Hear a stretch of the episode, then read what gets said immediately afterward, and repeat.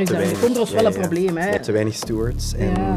mensen en die te veel alcohol. Ja, ja. Kan een autorally wel veilig? Ja, een van die schepen die vaart onder de Noorse vlag. Ja. En dan zegt Italië, ja, ja, breng ze dan maar naar daar, hè. breng ze dan maar naar Noorwegen. Waarom kan een schip met vluchtelingen niet zomaar ergens aanmeren? Wat doet dat met je als je zoiets ja, wint? ja, ja. Is mijn leven veranderd sinds ik gewonnen heb met Euromillions? Oh nee, niet echt. Nee. En als je de jackpot wint met de loterij, wat doe je dan het Ik best? snap wel, ik zou ook anoniem willen blijven hoor, mocht ik zo Ja, zeker. Ik ben Sophie van der Donkt, geen loterijwinnaar, maar ik trakteer je vandaag wel op het vijftigste kwartier.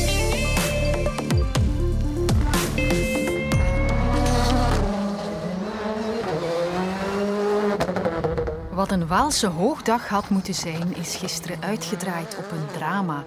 Bij de autorally van de Condros in de provincie Luik zijn twee toeschouwers, jonge mensen nog, omgekomen toen een van de auto's uit de bocht ging. Un terrible accident au rallye du Condro cet après-midi à Ouans. Une voiture a effectué une sortie. Nu zijn veiligheidsproblemen in de rallysport niet nieuw. En blijkbaar is vooral die rally van de Condros daarvoor berucht. Ik liet me dat vertellen door piloot Patrick Snijers, die de rally negen keer gewonnen heeft. Een heel mooie rally. Er is altijd heel veel volk. Maar het grote probleem is, meestal alleen in Wallonië, dat de mensen niet luisteren. Het ligt dikwijls aan het publiek zelf, die gewoon niet luisteren. Eh, ze maken veiligheidszones of verboden zones. Dat heeft een reden natuurlijk. Hè. Ja, dat is natuurlijk weer een zwarte bladzijde in, in, in onze rallysport. En rallypiloot Freddy Loix, die is zelfs ooit eens uitgestapt en heeft het publiek van de Condros Rally aangesproken op hun gedrag. Kijk waar jullie hier staan. We komen 180 per uur naar beneden. Als ik de rem, alstublieft. En morgen gaat hetzelfde zijn. Voor alle duidelijkheid, over het ongeval van gisteren loopt nog een onderzoek. Wat er daar precies gebeurd is en wie daar schuld aan heeft, dat weten we nog niet. Maar het doet wel vragen reizen. Auto's die met 180 km per uur door dorpen racen. Kan dat ooit goed gaan? Ik kom met die vraag terecht bij iemand die de rallywereld van binnen en van buiten kent. Ik ben Erik Dupay, 54 jaar. Erik is al 23 jaar autosportcorrespondent bij het persagentschap Belga. En hij heeft nog een extra troef. Ja, ja, ik ben zelf co-piloot geweest, ja. Ik kom dus aan de start met vier vragen. 1. Wie is er onverantwoordelijk? De organisatie of het publiek? Ik denk niet dat men altijd moet kijken naar de brullende motor of de kracht van de motor. Ik denk dat men ook moet kijken naar de verantwoordelijkheid van de toeschouwers. Ik zou kunnen zeggen dat er misschien een, een mentaliteitsprobleem is met een bepaalde groep van toeschouwers in die wedstrijd. Die daar naartoe gaat om ja, een beetje te zuipen, een beetje fun te hebben. Ik zeg niet dat dat gisteren gebeurd is daar. Ik stel alleen vast dat het in het verleden gebeurd is. In de Condros heb ik vroeger meermaals meegemaakt dat ik toch zei van uit mijn ervaring, grijp hier toch in. 2. Zijn er eigenlijk strikte regels in de rallysport? Absoluut, er zijn heel strenge regels. Er zijn algemene regels, maar ook iedere wedstrijdleiding, zal ik zeggen, moet maanden op voorhand een heel gedetailleerd veiligheidsboek binnenbrengen bij de bevoegde instanties, waarin elke bocht, elke meter, zal ik zeggen, beschreven staat en, en waar ook heel in detail gezegd wordt, dat is een verboden zone en daar mag het publiek wel gaan staan. En dat is een systeem dat eigenlijk heel, heel goed werkt, want er zijn bijna geen dodelijke ongevallen met toeschouwers in, in de sport. 3. Hoe kan het dan toch nog mislopen? Je kan nooit uitsluiten dat er in dat soort sporten iets gebeurt. Die verboden zones, dat wordt nogal eens door fans die daar naartoe gaan met, met andere bedoelingen, wordt dat niet altijd even goed nagevolgd. De stewards die zijn er natuurlijk om in te grijpen, maar als je met één steward staat tegen een overvacht van 100, 200 of 300 mensen die in een bepaalde bocht gaan staan, dan kan je daar natuurlijk weinig aan doen. En tot slot 4. Kan een autorally wel veilig? Een rally tout court, die kan veilig.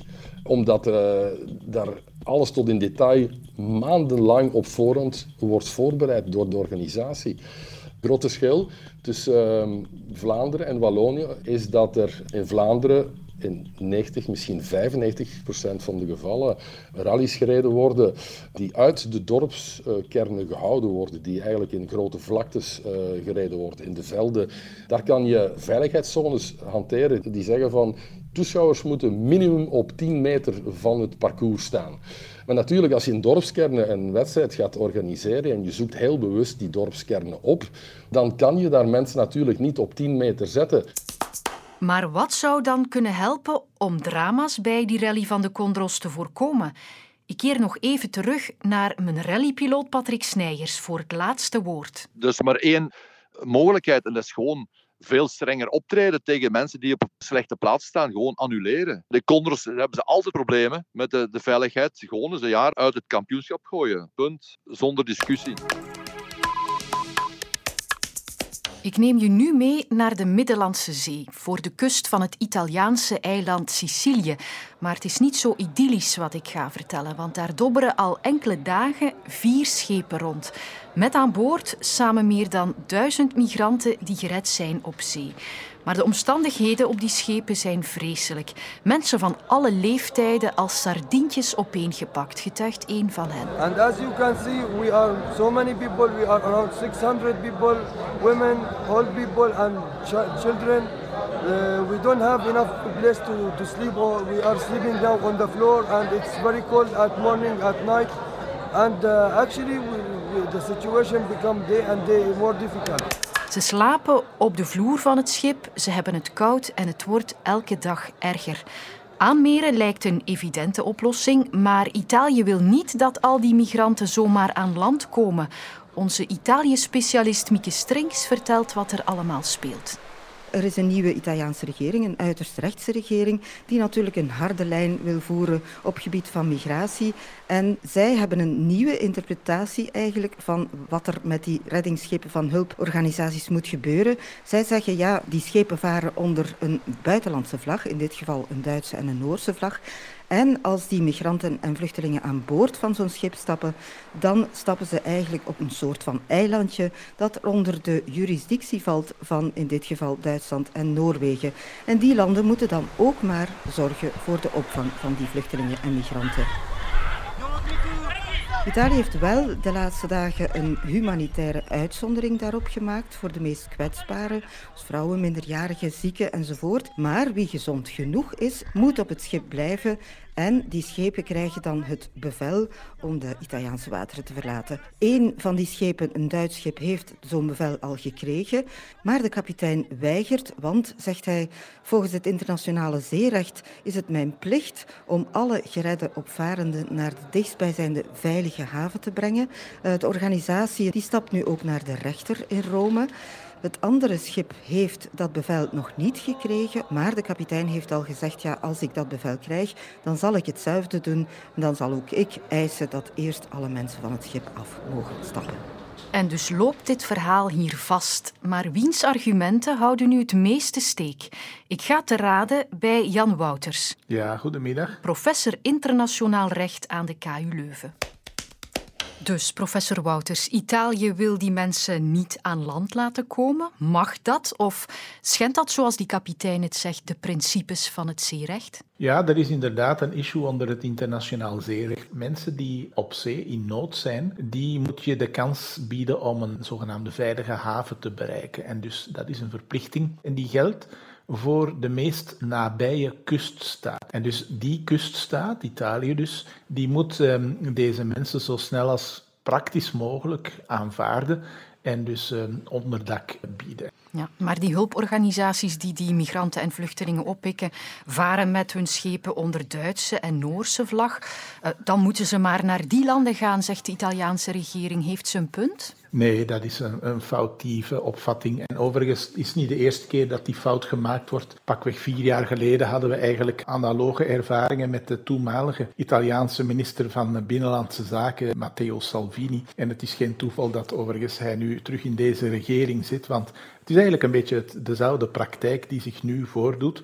Maar het klopt dus niet. Het hangt niet af van de zogenaamde vlaggenstaat. En het gaat hier over verplichtingen van een kuststaat. En dus Italië is de meest nabijgelegen kuststaat van dat eh, vluchtelingenschip en heeft om die reden onder het internationaal zeerecht de verplichting om dus die veilige haven te bieden voor die mensen in nood. Ja, dat is ook wat de kapiteins graag willen, dat iedereen aan land kan gaan. En zij hebben al gezegd, wij gaan procederen als dat eh, niet mag. Maken zij kans om gelijk te krijgen van de rechter? Ik denk het wel. Er zijn vroeger ook al rechtszaken geweest in Italië. Er is zelfs een rechtszaak geweest waarbij Salvini persoonlijk veroordeeld is geweest omdat hij illegale instructies had gegeven aan dus de, de Italiaanse autoriteiten om die schepen te weigeren. Dus er, op zich maken zij kans voor de nationale rechtbanken.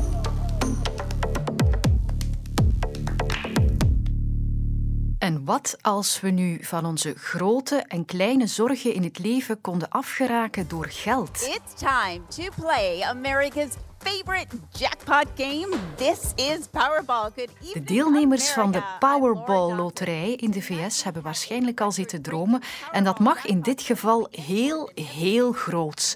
Want de jackpot is daar al aangedikt tot 1,9 miljard dollar, een record. Good luck everyone. Een astronomisch bedrag waar een simpele VRT-medewerker zich niks meer bij kan voorstellen. En overdonderend, denk ik, als je wint, zelfs al zou het dan maar een paar miljoen zijn. Gebeurt het hier in België dat je een groot bedrag wint, dan kom je al 18 jaar uit bij Winners Advisor Anne Lammes van de Nationale Loterij. Iemand die een rang 1 gewonnen heeft, een miljoen of 5 miljoen of 168 miljoen, die is ook een beetje in paniek natuurlijk. Die weet niet wat dat hij moet doen, dus die mag bellen onmiddellijk na de trekking. Ja, liefst niet om drie uur s'nachts, want dan zet ik mijn telefoon af. Dat heb ik ondertussen geleerd. Maar ze mogen wel buiten de kantooruur bellen. Ja, ja, dat is geen probleem. En wat is dan uw belangrijkste tip? Toch discreet blijven, ja.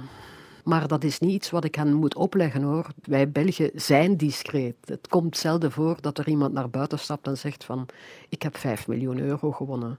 Uh, en wees nu maar allemaal blij voor mij. Want dat is ook een van de dingen die ik altijd duidelijk maak aan de mensen. Verwacht dan niet dat iedereen blij is, want mensen zijn niet blij.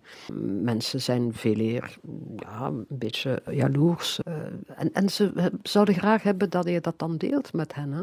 Dat niet, niet het hele bedrag, maar dat je hen dan ook uh, iets geeft. Maar het is wel logisch toch, hè, dat je dat aan iemand wilt vertellen? Dat klopt en dat is soms heel moeilijk. Uh, mensen die introvert zijn, die hebben daar minder problemen mee. Maar mensen die extravert zijn, dat zijn de mensen die eigenlijk het liefst van alles zouden gaan roepen op, op het dak die hebben mij, die kunnen mij bijna dag en nacht bellen daarvoor. Uh, ik kreeg een telefoontje een tijd geleden van een, man uit een koppel die, die gewonnen hadden. En die man die zegt van mijn vrouw die wil graag met haar beste vriendin erover spreken. En ik heb dat niet graag. Wat moet ik doen? Dus ik zeg ja, geef ze een keer aan de lijn. Ik had ze al gezien, hè, kende ze dus ondertussen. En ik heb haar laten praten, laten praten. En ze kon dan alles wat ze kwijt wilde aan die vriendin voorlopig, dus tegen mij vertellen. En dat helpt. En ik zeg dan altijd, je mag het tegen je vriendin vertellen, maar niet vandaag. Wacht nog drie weken. Want, want geloof het of geloof het niet, iemand die 5 miljoen wint, over een aantal weken, over een aantal maanden, worden die veel rustiger. Hè? Dus die zitten niet meer de hele dag te denken over dat geld, dat gaat naar hun achterhoofd. Die doen gewoon verder met hun leven. Hè? Die excitement, die opwinding, die, die blijft niet. Hmm. Die, die verdwijnt. En als die verdwijnt, dan, dan verdwijnt ook het gevoel van ik wil hier dat vertellen aan mijn beste vriendin. Doen mensen zotte dingen met het bedrag dat ze winnen? Wij zijn zo geen volk van zotte dingen. Maar, maar um, zelfs als we zotte dingen zouden willen doen en we willen er tegelijkertijd over zwijgen, dan heb je een probleem. Hè? Bedoel, als je met zotte dingen bedoelt van iemand koopt, wil graag een Ferrari kopen, maar ja, als hij een Ferrari voor zijn huis parkeert, dan is de kans groot dat er iemand gaat vragen, ah, jullie hebben de lotto gewonnen zeker. Hè? Wat dat je wint is gemoedsrust. Veel meer dan geld. Niet zo van die Ferrari die ze gaan kopen die voor de deur gaat staan. Dat, dat doen de meeste mensen niet. Je krijgt, je wint die gemoedsrust, denk ik. U speelt ook zelf? Ik speel zelf, ja. De meeste van mijn collega's spelen zelf. Niet voor veel geld, dat is niet de bedoeling. Als het geluk jouw richting uitkomt, dan, uh, ja, dan is het jouw beurt. Hè. Morgen ben ik er normaal gezien opnieuw, tenzij... Bij de lottotrekking van vorige woensdag was er één gelukkige winnaar. Proficiat. Luister ook naar Snapt je mij nu? Onze VRT Nieuws-podcast waarin straffe twintigers praten over hot topics. Nu in de app van VRT Max.